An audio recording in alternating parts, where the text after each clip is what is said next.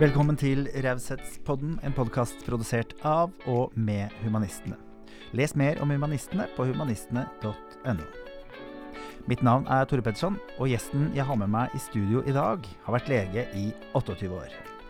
Til daglig så jobber hun som overlege ved Avdelingen for rettsmedisinske fag på Oslo universitetssykehus. Som spesialist i sentralstimulerende legemidler og en eh, doktorgrad i proaktive stoffer, også kjent som partydop, har hun bred erfaring med hva disse stoffene gjør med oss mennesker, og særlig med ungdommen. Merete Vevelstad er opptatt av hvordan tanker påvirker vår fysiske hverdag. Hvordan kan tankekraft gjøre oss til friskere mennesker, og hvordan kan vi skape en bro mellom det psykologiske og det medisinske? God fornøyelse! Velkommen i studio, Merete Vevelstad. Tusen takk, Tore. Fint å ha deg her. takk. Jeg kan fortelle at eh, jeg var inne og var så heldig å få med, seg, få med meg et webinar um, som du holdt. Um, og da var det for liksom første som slo meg at dette må jo ut til alle. Du har vært lege i 28 år. Det stemmer. Og er eh, overlege ved Avdelingen for rettsmedisinske fag, Oslo universitetssykehus. Da har vi liksom lagt det profesjonelle. Mm. så det er menneske igjen. Du har en doktorgrad i uh, sentralstimulerende stemul... Og det var vanskelige ord for meg å si. Det har du sikkert sagt flere ganger enn meg. Sentralstimulerende legemidler, eller motedop, som uh, jeg ser avisene liker å Ja, eller rusmidler. Sentralstimulerende. Nye syntetiske og farligere rusmidler. Mm. Ja. Det er jo et stort, vil jeg tro, og ikke akkurat forsvinnende problem. Det blir jo hottere og hottere. Men jeg vil først starte med å spørre deg, som jeg pleier å gjøre, og det er hva er det som opptar deg aller mest om dagen? Oi, det er en uh, utfordrende dag å svare på det spørsmålet. fordi det som egentlig opptar meg i dag mest, det er jo Ukraina-situasjonen. Ja, uh, så jeg må bare si noe kort noen ord om det. fordi jeg syns det er fryktelig å vite at så mange barn og unge i Ukraina og i hele verden nå må være vitne til eh, hvor håpløst eh, det går an å løse uenighet. Mm. At voksne mennesker velger å løse uenighet på en sånn måte, det syns jeg virkelig er utrolig trist. Men jeg synes, tenker vi skal ikke la det programmet her handle om, uh, om, akkurat det. Mange nok programmer som gjør det, kanskje? Ja, mm. jeg tror verden er full av sånne sendinger akkurat nå. Nei, og ellers var jeg opptatt av Jeg er veldig opptatt av det vi skal snakke om i dag. Og så er jeg litt opptatt av at uh, overarmen min skal gro fort, sånn at uh, siden jeg har brukket overarmen min av alle ting. Sånn at jeg snart kan komme ut og løpe og sykle og gjøre alt som jeg uh, liker veldig godt igjen. Ja, for du tok en liten piruett?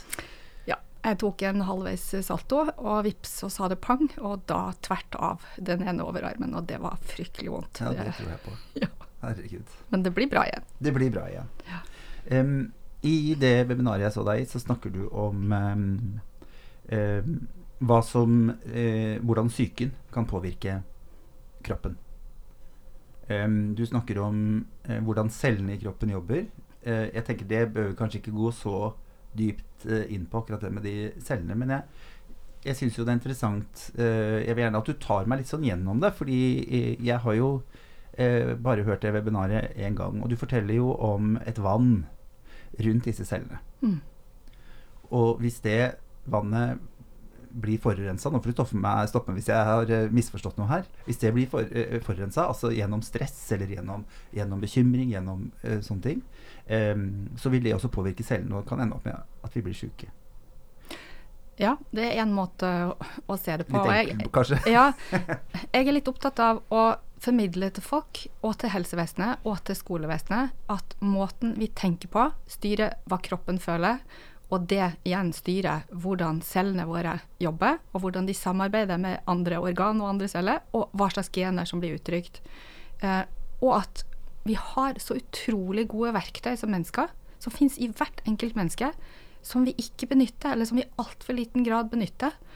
Og de verktøyene, det, det er så enkle ting, og det er så effektfulle ting, og det har betydning både i forhold til forebygging av sykdom eh, og eh, det å bli bedre hvis man først har fått plager eller sykdom. Mm.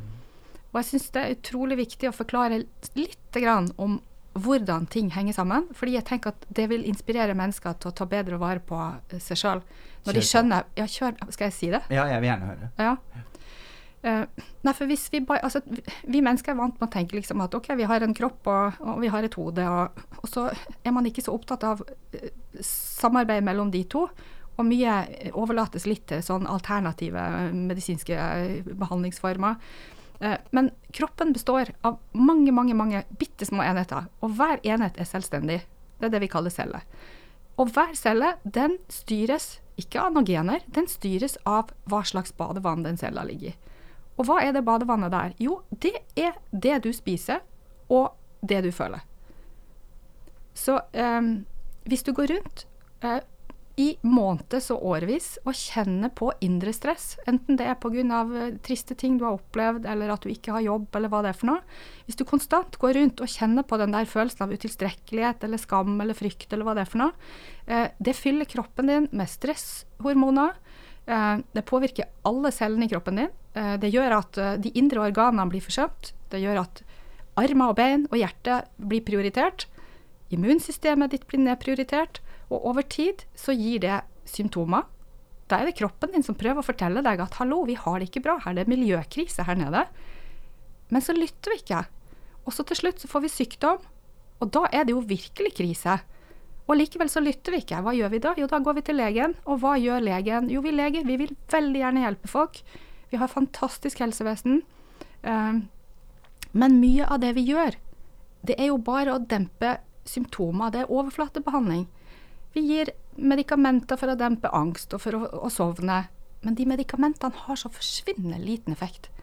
For hvis man ser på hva som styrer helse i en kropp Et legemiddel mot depresjon det kan påvirke en bitte liten prikk av det store systemet som styrer deg. Og du kan gjøre så utrolig mye mer sjøl hvis du er bedre på å være glad i deg sjøl og jobbe litt med selvfølelsen din. Og så er det et par Jeg tenker noe av det mest sentrale jeg har lært som lege.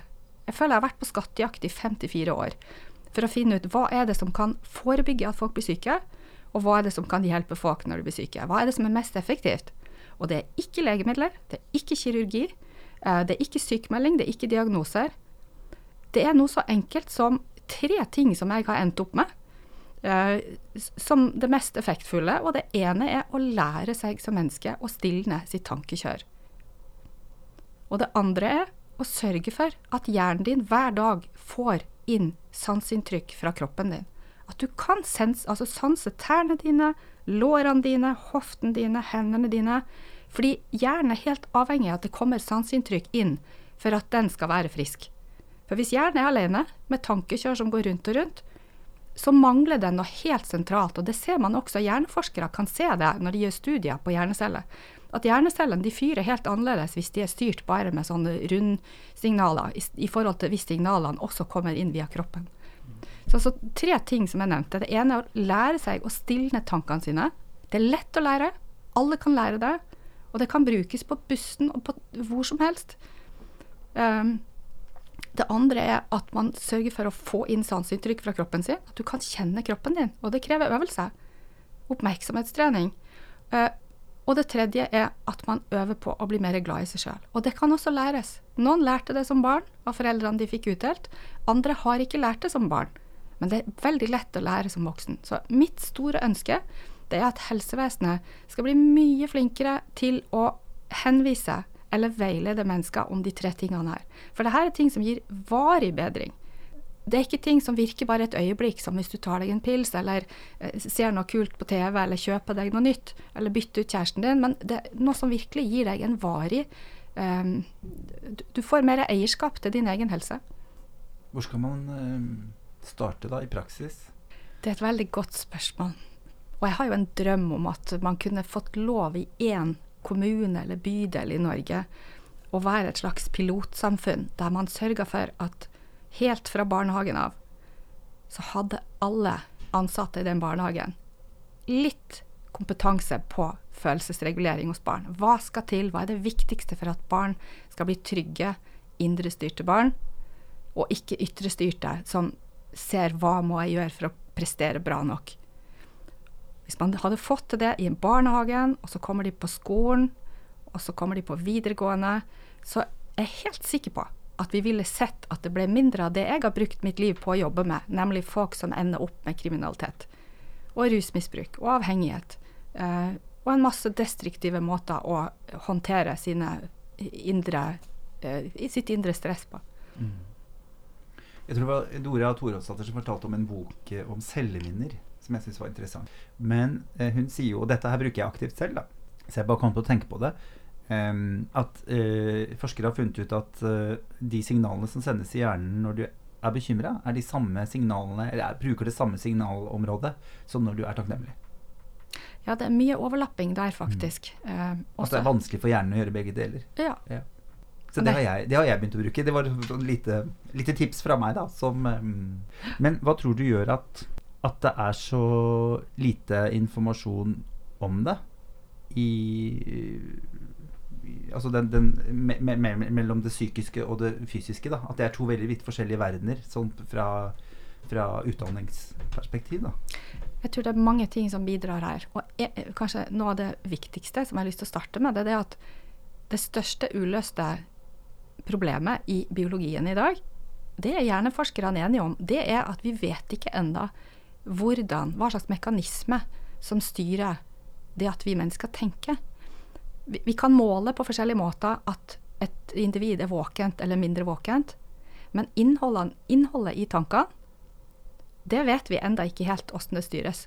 Så um, akkurat som man for uh, noen hundre år siden ikke hadde oppdaga magnetismen enda, og ikke visste om gravitasjon osv., så, videre, så så er det noe vi enda ikke vet. Um, så jeg tenker man skal være litt ydmyk i forhold til det. Uh, og så tenker jeg at helsevesenet Nå har jo jeg vært en del av helsevesenet i 28 år. Uh, og føler at jeg på mange måter har gått den der vanlige karriereveien for å, å lære mest mulig og, og, få mest mulig kunnskap om alt vi vet og ikke vet. Um, og, men jeg tenker at de, siste 70 årene så har eh, hva skal jeg si, helsevesenet har latt seg forlede litt av legemiddelindustrien og av um, troen på at gener styrer mye, og da blir vi litt sånn deterministisk at ja, men med gener eller dårlig barndom, så er det så lite vi kan gjøre, og vi får jo bare hjelpe folk som best vi kan. Så jeg tenker at på mange måter så kommer helsevesenet litt til kort. Vi vil så gjerne hjelpe, og så gir vi det vi har, og så er det travelt på legekontoret, og så skal du helst skrive en eller annen kode som gjør at det utløser en eller annen refusjonstakst fra eh, Nav osv. Det er blitt så mekanisk alt sammen, og så tar vi oss ikke ordentlig tid til å se hva er egentlig problemet her. Og hvis vi tar oss tid, så blir vi litt bekymra som leger og helsepersonell, for vi tenker at det har vi ikke tid til å ta oss av, og vi vet ikke hvordan vi skal løse det. Men jeg tror at vi kommer mye lengre enn det vi gjør i dag, hvis vi tar oss litt mer tid når vi ser folk som sliter med kroniske plager og etter hvert sykdom, med å veilede de om de her tre tingene som jeg nevnte, og også om kosthold og trening. Fordi jeg er helt sikker på at det vil lønne seg noe voldsomt hvis du skal se på ressursbruken på slutten av et liv. Men det vil jo ikke lønne seg der og da.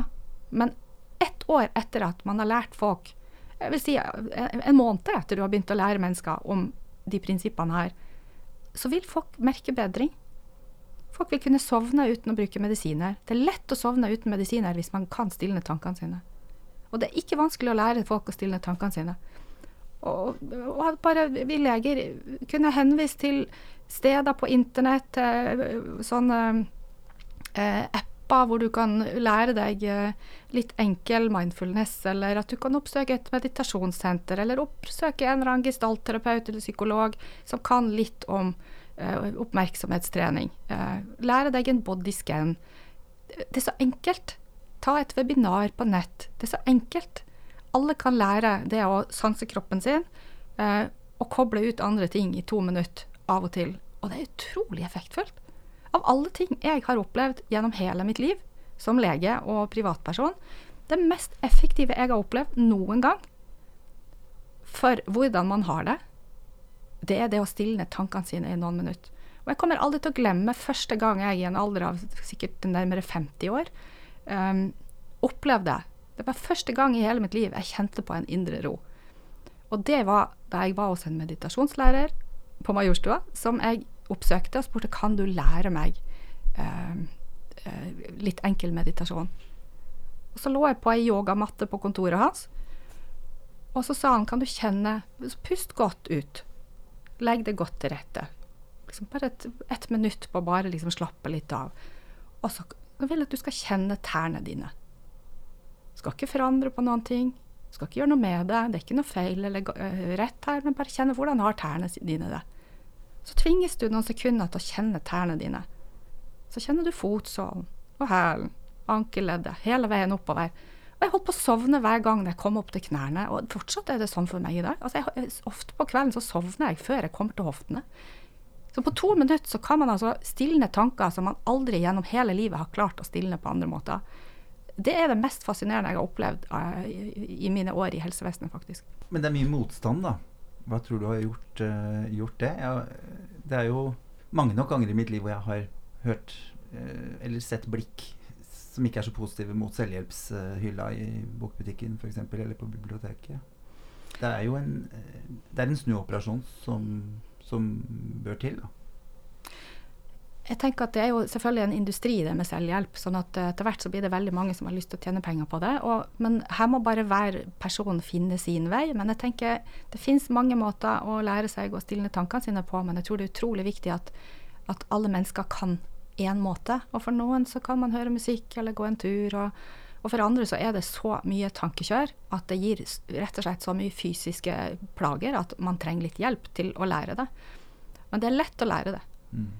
Um, og jeg tror egentlig ikke det er noe stor motstand mot det. Jeg tror mer det er det praktiske, at det er travelt, og at kanskje mange i helsepersonell ikke kan det sjøl. Kan ikke lære bort noe du ikke kan sjøl. Og, og hvis, hvis, man ikke har sett nødvendigheten av det sjøl, så skjønner man kanskje ikke helt hvorfor andre skal kunne det. Men de som sliter med kroniske sykdommer og plager, veldig mange av de lever med kronisk indre stress. Og for veldig mange av de så er det, det, et, det er et indre stress. Ja, det kan være ytre ting i tillegg, men det er det indre stresset som vi påfører oss sjøl ubevisst. Det er det som er det mest destruktive. Og det kan man gjøre noe med, og det er veldig enkelt. Og jeg tenker at hvis leger bare um, Leger, vet du, de vil, vi, vi, vi, vil helst ha ting med to streker under svaret ja. i en eller annen forskningsartikkel i Lancet. Så det er kanskje det vi må gjøre, da. Vi må skrive noe om det her i Lancet. fordi da, det, da kommer det rett inn i eh, fokus. Mm. For de som um, vil vite mer om det, er det noen bøker du kan anbefale, eller? Jeg syns egentlig eh, ikke det er så lett å anbefale noen konkret bok, for det finnes ufattelig mange bøker. Og jeg syns liksom alle bøker har noen gullkorn. Men eh, jeg vet rett og slett ikke om én enkeltbok som, som enkelt oppsummerer det essensen i det her. For jeg syns essensen i det her er så enkelt at det burde ikke koste penger. Det burde egentlig stå altså hvem som helst kunne bare slå opp på forsida på Helse Norge, og der sto det liksom Hva er det viktigste for eh, helse hos oss mennesker? Jo, det er å ha en god selvfølelse. Og, ha, og, har du ikke det, hvilke verktøy kan du bruke for å få en god selvfølelse, være glad i deg sjøl? Jo, lær å stilne tankene dine, sanse kroppen din, eh, og gjøre noe hver dag for at du skal bli mer glad i deg sjøl. Gi deg noen minutter hver dag hvor du kjenner på glede over noe, eller mindre uglede. Gå forbi en barnehage og, og la deg glede av barns uh, ubetinga latter over ting. og Eh, se eller gjør noe som du opplever som meningsfylt hver dag. Har du noen eksempler på hvor ille det kan gå, liksom, når man, når man uh, ikke, ikke, kjenner etter? Det er jo ufattelig mange eksempler på hvordan det kan gå. Uh, og dessverre um, Ja, jeg nevnte i det webinaret en person som jeg skrev en rapport på. Jeg har jobba som eh, som ekspert for rettssystemet i veldig mange år, hvor min jobb er å gi en objektiv vurdering av om det var påvirkning da en eller annen kriminell hendelse skjedde. Så min jobb i 23 år har vært å være objektiv i forhold til hva vi vet og ikke vet. Um, og i en sak jeg var borti, um, hvor jeg da sitter og leser alle saksdokumenter, så ser du her er det en som da har gjort en kriminell handling som ender opp med fryktelig mange år i fengsel. Og når man da leser historien bak, um, og ser at jo, her er det da en mann som uh, på, for ikke så lenge siden uh, oppsøkte lege, for han måtte ha noe å sove på, får ikke sove.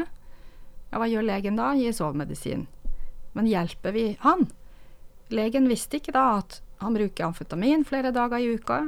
Da blir du ekstremt stimulert, du kan ikke sove da. Brukte andre rusmidler. Uh, han hadde fått diverse medikamenter før fordi han hadde sine plager, så han sto på en hel eh, pakke av eh, medikamenter. Det legen kanskje visste litt om, var at han hadde en vanskelig barndom, men det legen kanskje ikke visste, det er at han sjøl forklarer at han hadde en vanskelig barndom fordi han var et vanskelig barn. Ja. Og hva det gjør med et menneske å føle at man var og er et vanskelig barn. Jeg tror det er veldig mange av de som sliter med kroniske plager, som har i seg en følelse av at de er feil. De bærer på en skam. De bærer på en sorg som aldri eh, har blitt anerkjent av eh, noen forelder. Og eh, ja, det, det er dessverre eh, fryktelig mange eksempler ute i både i helsevesenet og i, i norske fengsler eh, på eh, mennesker som, som, ikke har det noe godt med seg sjøl, og som ender opp med en masse annet som tar alt fokus i livet deres. De bruker hele livet på å jakte på en eller annen behandling som skal hjelpe for det de plages med. Eller at de skal bytte ut ektefellen sin fordi den ødelegger livet for en. Eller at man skal bytte jobb, eller man er sinte på naboene eller kollegaene sine. Og ting som skal byttes ut, og ting som ikke funker. Og, eller at man leter etter ei bok eller en eller annen person som skal si at nå er det greit å være sånn som jeg er. Uh, og så sitter vi jo egentlig med nøkkelen sjøl. Og så skulle jeg egentlig ønske at helsevesenet var litt mer bevisst på det at uh, mange mennesker har ikke fått det de trengte som barn. Men da kan de lære å gi det til seg sjøl, som voksne. Så man slipper å gå rundt og lete etter noe som skal reparere oss. For vi kan faktisk med ganske enkle midler reparere oss sjøl.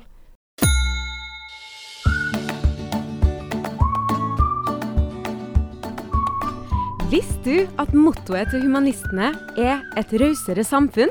Vi tror at ved å samle alle humanister, uavhengig av tros- eller kulturell bakgrunn, kan vi sammen skape et rausere samfunn, der god dialog skaper mindre polarisering, at vi sammen kan styrke menneskerettighetene, og at vi sammen kan ta vare på miljø, naturen og alt liv rundt oss. Du kan enkelt bli medlem i dag ved å gå inn på våre nettsider humanistene.no. Medlemskapet er gratis, og du er hjertelig velkommen til vår rause og inkluderende bevegelse.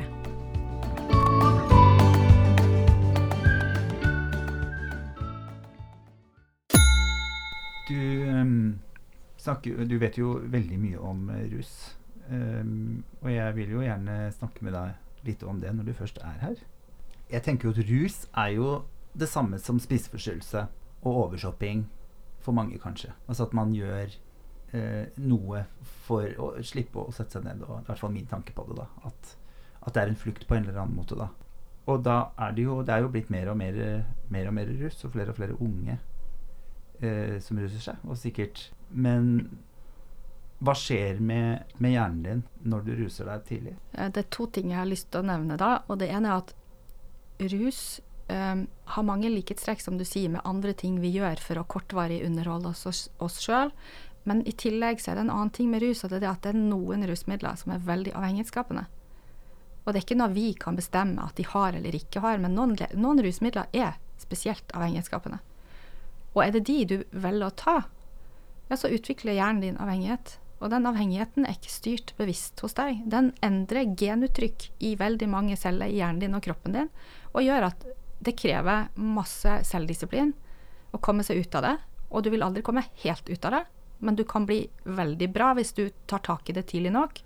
Så det, det ene er det jeg vil påpeke, at rusmidler kan være Altså, mange rusmidler er verre enn det å shoppe eller andre ting. Fordi du får en kjemisk avhengighetsutvikling ja. på toppen av alt det som, som alle andre sliter med. Som er fysisk? Ja. ja.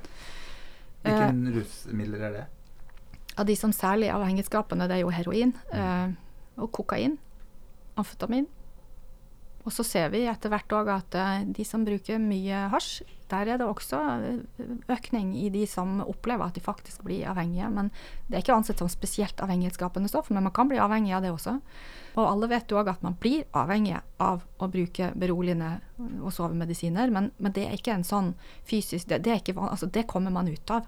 Det er ikke noe som ødelegger livet ditt, det er bare litt plagsomt noen uker, så må du tåle det, og så er du ferdig. Mm. Men, uh, men det andre jeg hadde lyst til å påpeke med det å begynne med rusmidler tidlig, det er at vi vet at i overgangen fra barn til voksen så skjer det veldig store endringer i hjernen. Fordi der skal du få belagt noen av de her eh, hjerneledningene dine med der hvite plasten på en måte som gjør at her går det fort. Mens andre skal plasten bli borte fra. Der skal det ikke gå så fort. Og noen skal kuttes og Så det skjer en skikkelig ommøblering. Uh, og hva slags stoffer er det som styrer den ommøbleringa? Jo, det er jo de normale signalstoff i hjernen din. Og hvis du da tar rusmidler, hva gjør de? Jo, de påvirker ett eller to av de forskjellige signalstoffene. Tar du hasj, ja, så påvirker det eh, cannabinoidreseptorer i hjernen din. Og de er helt avgjørende for at cellen finner ut hvor de skal hen. Så eh, hvis man starter tidlig med rusmidler, så gjør det noe med den normale eh, hjernemodninga di, som kan gi deg mye trøbbel gjennom livet. Og det siste man vil, det er jo å miste hverdagsgleden gjennom livet. Så eh, vi vet ut ifra forskninga i dag at det å starte med mye rusmidler tidlig, det er veldig uheldig. Så eh, har man lyst til å eksperimentere med rusmidler, og velge det, senest mulig, sånn at hjernen er blitt så moden som mulig. Og i hvert fall ikke 13-14-15 år. De årene må fredes. Da må hjernen få være i fred. Og det betyr ikke at noen som røyker hasj en gang når de er 13, blir skada for livet, eller to. Eh, men å røyke mye, bruke mye rusmidler tidlig, vi vet at det skader hjernen. Og den hjernen skal du ha resten av livet, og den vil du skal funke best mulig. Så jeg tenker det er utrolig viktig å frede de eh, første, særlig de første årene av tenårene. For jeg leste litt um, uh, ja, både på den forskningen du har gjort, uh, også ting du har uttalt tidligere, om at man kan gå inn i en Altså at hjernen din tar passive valg. At man blir Ja, som jeg leste det i hvert fall, at man, alle løsningene du finner inni hjernen din når du sitter og tenker på livet ditt, så er det helst å ikke røre seg fra sofaen. Altså at man blir veldig sånn Det er veldig skadelig, og det er en veldig økning i rus. Hører jo stadig på bussen at det sitter ungdomsskoleelever og snakker om Skaffer du noe hasj i helga? Og man, man, får det jo med seg, liksom. Mm. Frykter du noe for fremtida? Nei, jeg er bare opptatt av at litt kunnskap gjør at ungdom selv får ta sine valg. Og har man gitt de kunnskap, og de tar sine valg, ja, da har man gjort så godt man kunne, i hvert fall som samfunn og som foreldre og familie. Um, så jeg har veldig tillit til at ungdom på mange måter kan ta selvstendige valg, men at, også at vi som samfunn må passe på at vi ikke gjør det for tilgjengelig. Uh, og det er jo mye snakk om skal man legalisere eller avkriminalisere osv. Uh, jeg tenker at for å frede ungdomshjernen uh, de første tenårene, så er det en pris vi heller får betale at vi sier at det er ulovlig med hasj. Så viktig er det at fremtidens generasjoner får bevart. For vi vet at hvis tilgjengeligheten er veldig stor, da vil mange flere tenke at det er greit å prøve, og da vil enda flere synes at det også er greit å bruke mye. Er det reversibelt? Vet du noe om det? Det er ingen som helt kan svare på det, men ut ifra hva vi vet om hjernen i dag, så vet vi at mange ting som skjer i ungdomsfasen, eh, det, det, vil være veldig vanskelig å reparere senere. Så det er liksom en, en åpen fase der hjernen er utrolig mottakelig for ny kunnskap og modellering, og det er i pubertetsårene. Og så vet vi jo alle voksne at når du da har passert noen og tyve, det er mye vanskeligere å lære nye ting, det er vanskelig å avlære nye ting. Eh, det er vanskelig å prøve å omprogrammere sin hjerne.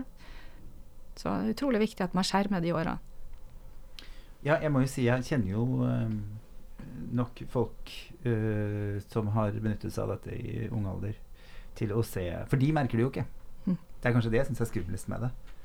At de sier at 'nei, men jeg merker ikke noe forskjell'. Men mm. så sitter vi rundt og tenker sånn 'men det gjør vi'. Akkurat spesielt det der med det at man blir så, så passiv, da. Mm.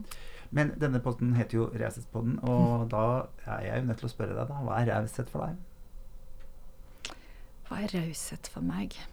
Det er et stort spørsmål.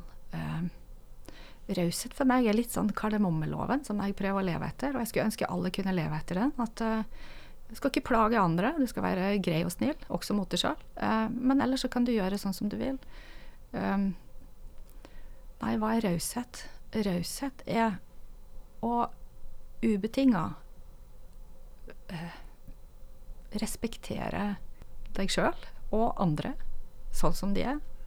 Og veilede og være tydelig hvis noen gjør noe som du ikke syns eh, er greit, så at man er tydelig på det. Men, eh, men at så lenge folk ikke plager hverandre, så at man er rause med hverandre.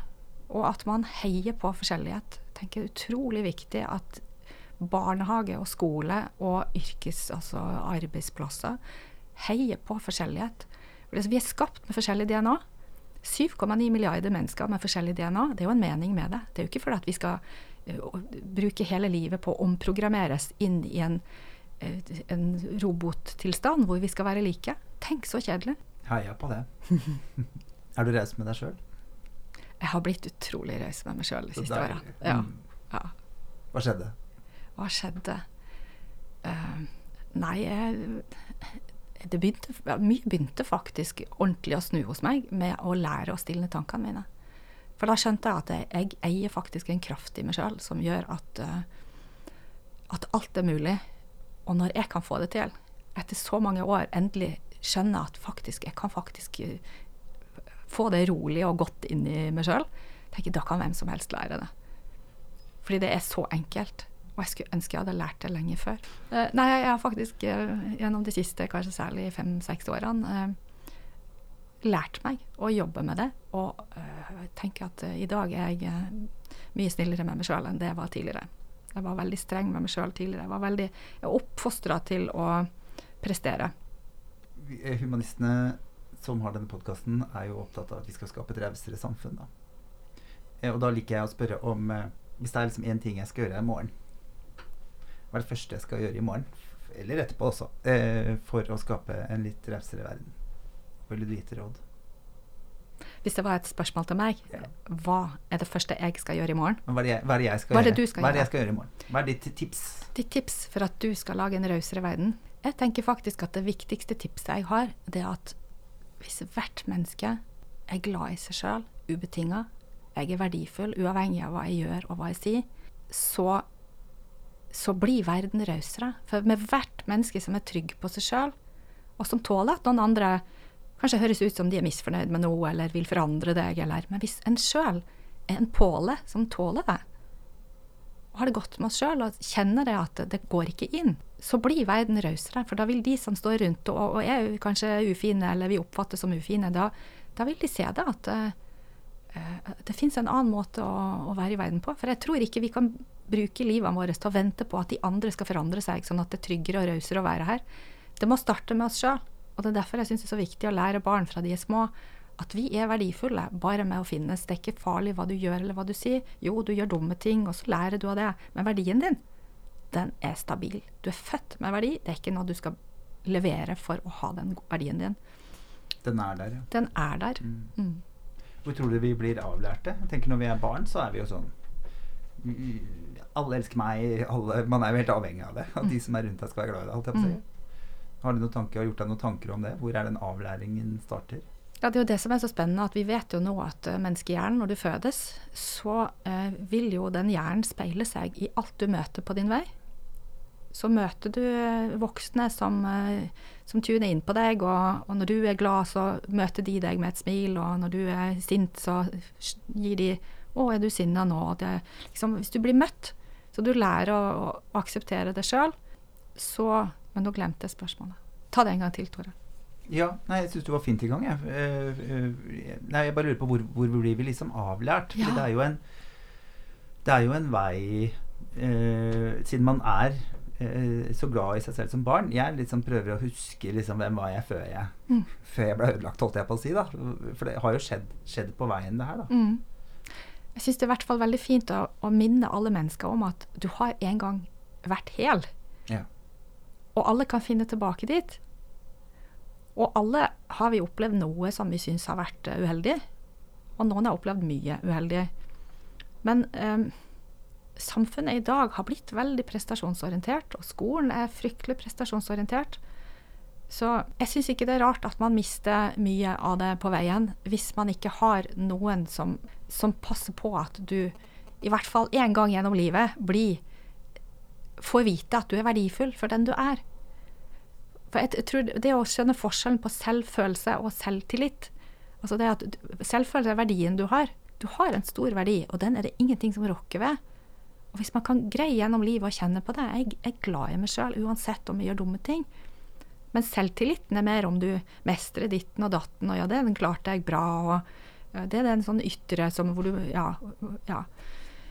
Um, Men hvordan gir man eh, egenkjærlighet da, til et barn? hvordan man lærer barn å bli glad i seg sjøl. Mm. Det har jeg vært opptatt av siden jeg var bitte liten. Så lenge jeg kan huske jeg har vært opptatt av det. Fordi jeg kjente veldig på det som liten sjøl. At, at det å bli målt og sett bare for hva du gjør, det var utrolig skadelig for meg. Eh, og det vet vi i dag er veldig skadelig for barn, hvis man ikke også ses for hvem man er. Og jeg husker at jeg som ganske liten prøvde å forklare mine foreldre det. At kan dere ikke like meg eller se meg for hvem jeg er? Men jeg tror ingen rundt meg skjønte hva jeg mente. Uh, så det var mer uh, Ja. Vi snakket jo litt i stad det der med å få på en måte helsevesenet også til å tenke mer på det psykiske. da. Um, og du snakker jo nå om et belønningssystem. ikke sant? Det der med å være flink og prestere. Mm. Og jeg vil jo se for meg at en kirurg kanskje har en dose av det. Altså at det, det fins en, en, driftskraft der da, på en måte som, som um, Det er det som har funket for dem. Jeg har nemlig alltid ment at problemet med skolen vår i dag er at de som styrer hvordan skolen skal være, det var de som fikk skolen til å fungere helt ok. Altså at at det er de, de, var ikke sånn som meg, som ble masse masse, masse mobba. De ble kanskje det, men de i hvert fall håndterte det på en bedre måte enn jeg gjorde. da. Mm. Um, og at der også kanskje er det eh, et lite gap mellom, mellom, den psykiske verden og den fysiske verden. Altså le, lege og, og, psykolog, eller Hva tenker du om det? At, at fordi de har funnet et, et, belønningssystem som fungerer, så er det kanskje vanskelig for de å se, vanskeligere for de å se at det er et behov for det her, da. Jeg tenker at det er utrolig viktig med begge deler. fordi mm det er ikke noe tvil om at det å ønske å prestere er kjempeviktig for fremgang i verden og for mye av det livet vi lever. Mm. Så det er gode egenskaper, men jeg er mer opptatt av at hvis det er fokus alene, så får vi veldig mange redde, usikre, syke mennesker. Fordi man må i tillegg få vite som barn og kjenne inni seg at verdien, den er der. Men det å ha den driven i tillegg, å være opptatt av prestasjoner. Ingenting galt med det, bare det ikke er det eneste. Så jeg tenker helsevesenet har Vi hadde aldri vært der vi er i dag uten at det var begge deler. Nei. Og noen skal være gode på det rent praktiske og uh, tekniske osv. Men vi må bare passe oss sånn at ikke vi ikke beveger helheten bort fra at det også er viktig det med, med den indre tryggheten og roen og, og alt mennesker kan gjøre sjøl. Selv om vi trenger alt det praktiske og kirurgi og medisiner og sånt, eh, så er det Vi har så mange ressurser som vi ikke bruker. Og jeg, jeg tror at vi kommer til å se en endring i helsevesenet uh, i årene fremover.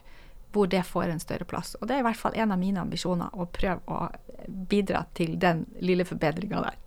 Da har vi i hvert fall uh, forsøkt nå med å ha en podd pod om det. Jeg tenker at det er superinteressant og, og helt klart viktig for flere, tror jeg, det å bli møtt når du kommer til legen. Ja, og så tenker jeg at selv om vi leger kanskje ikke er så gode på det, mange av oss er ikke så gode på det, uh, så kan man i hvert fall henvise videre til noen som er gode på det.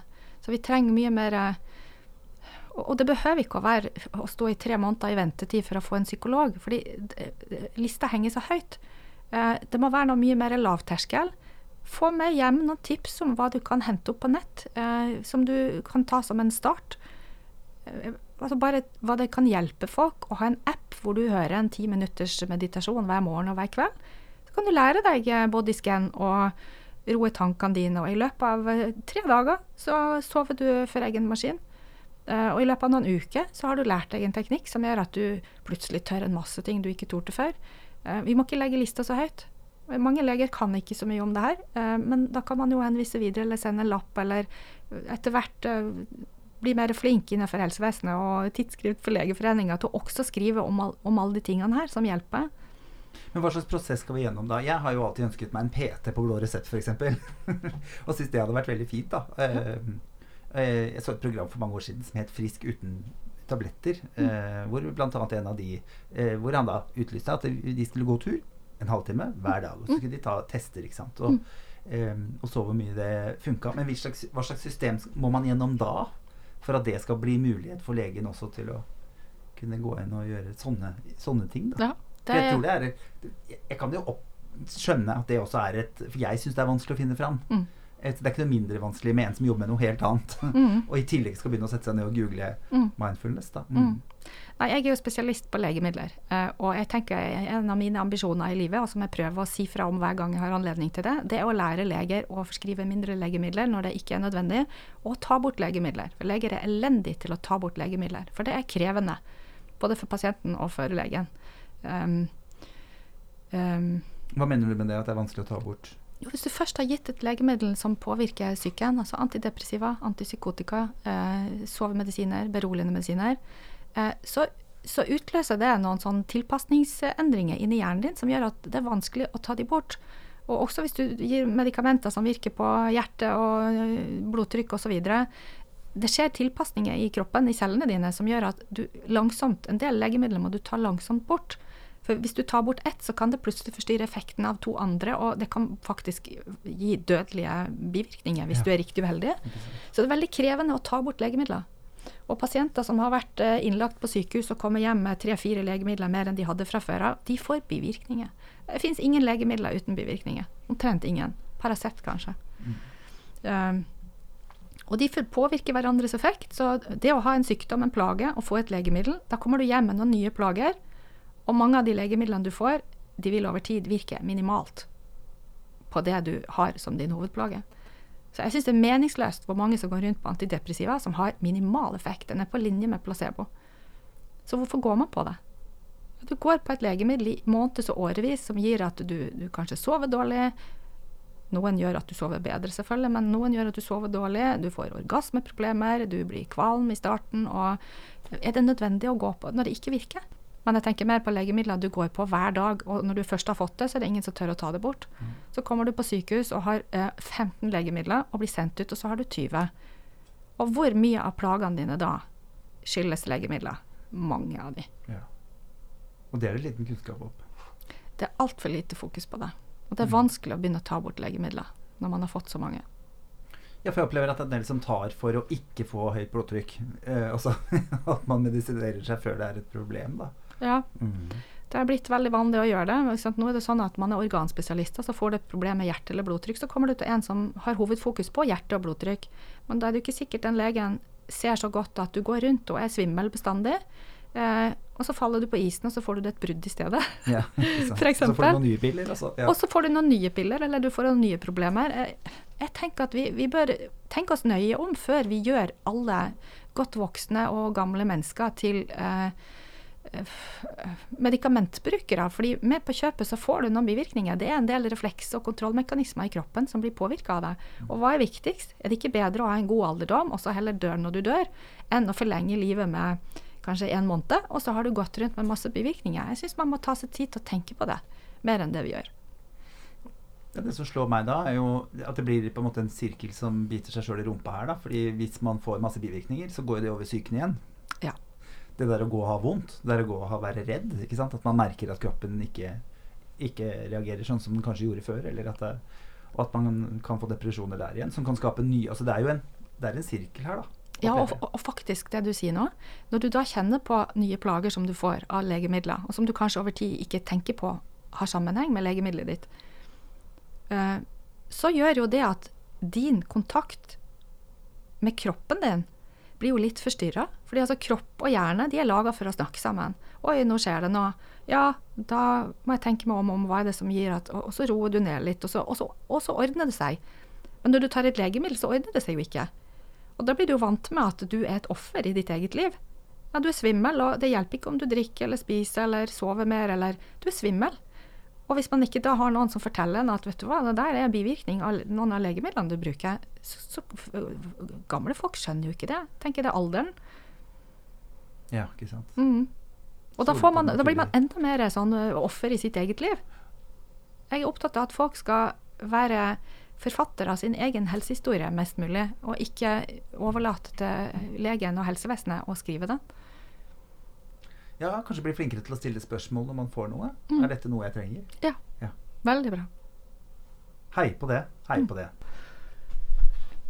Merete, vi har en rosa skål. I den rosa skåla så ligger det um, en del ord som uh, humanistene jobber etter. Så jeg vil bare at hva som faller ned i hodet ditt når du trekker en sånn. Så kan du bare ta en. Lese høyt. Oi, her står det 'mot'. Ja. Å, det er et ord som jeg er veldig glad i. Så fint. Og jeg husker veldig jeg forklarte barna mine når de var ganske små. Og de hadde vært i bassenget og gikk en gang i uka, skulle lære å svømme. Og, og så hadde de, sønnen min hadde lyst til å hoppe fra et av de her stupebrettene. Mm. Og så sa mamma jeg tør ikke. Og han tenkte på det lenge, og så sa jeg det at mot Det er noe du bestemmer deg for å ha. Eh, og så gikk han opp og bestemte seg for at han hadde mot, og han skulle hoppe, og så hoppa han. Så hoppa han. Eh, og så hjalp det kanskje litt også at jeg sa det at Sanne, du skal få ti kroner yeah. hvis du hopper. En liten Og han hoppa. Det ble jo så dyrt for meg. Han hoppa hele dagen. Han hoppa og hoppa. Det er jo noe med ja, man er redd for at man har gjort det. Ja. Nei, jeg tenker mot. eh, det er masse å si om mot. Um,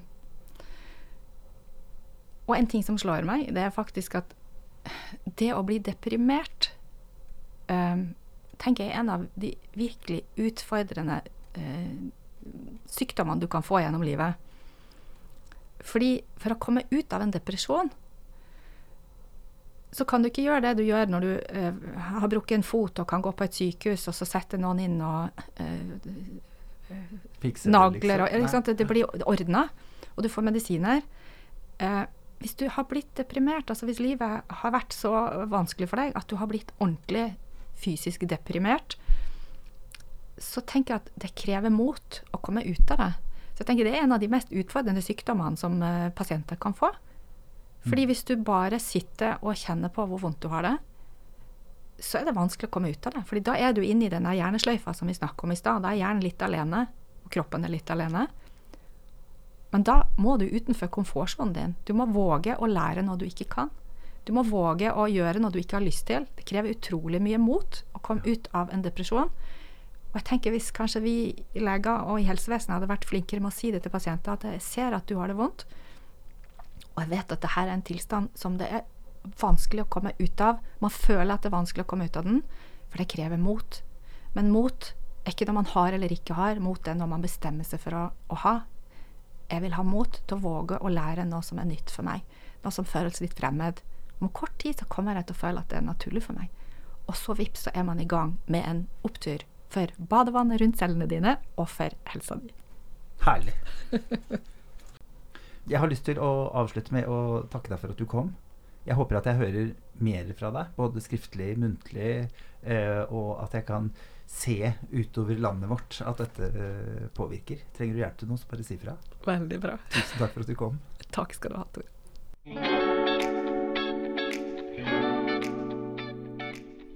Takk for at du hørte på Revsets-podden, produsert av og med Humanistene. Vil du vite mer om Humanistene, gå inn på humanistene.no. Ønsker deg en god helg, så høres vi om en uke.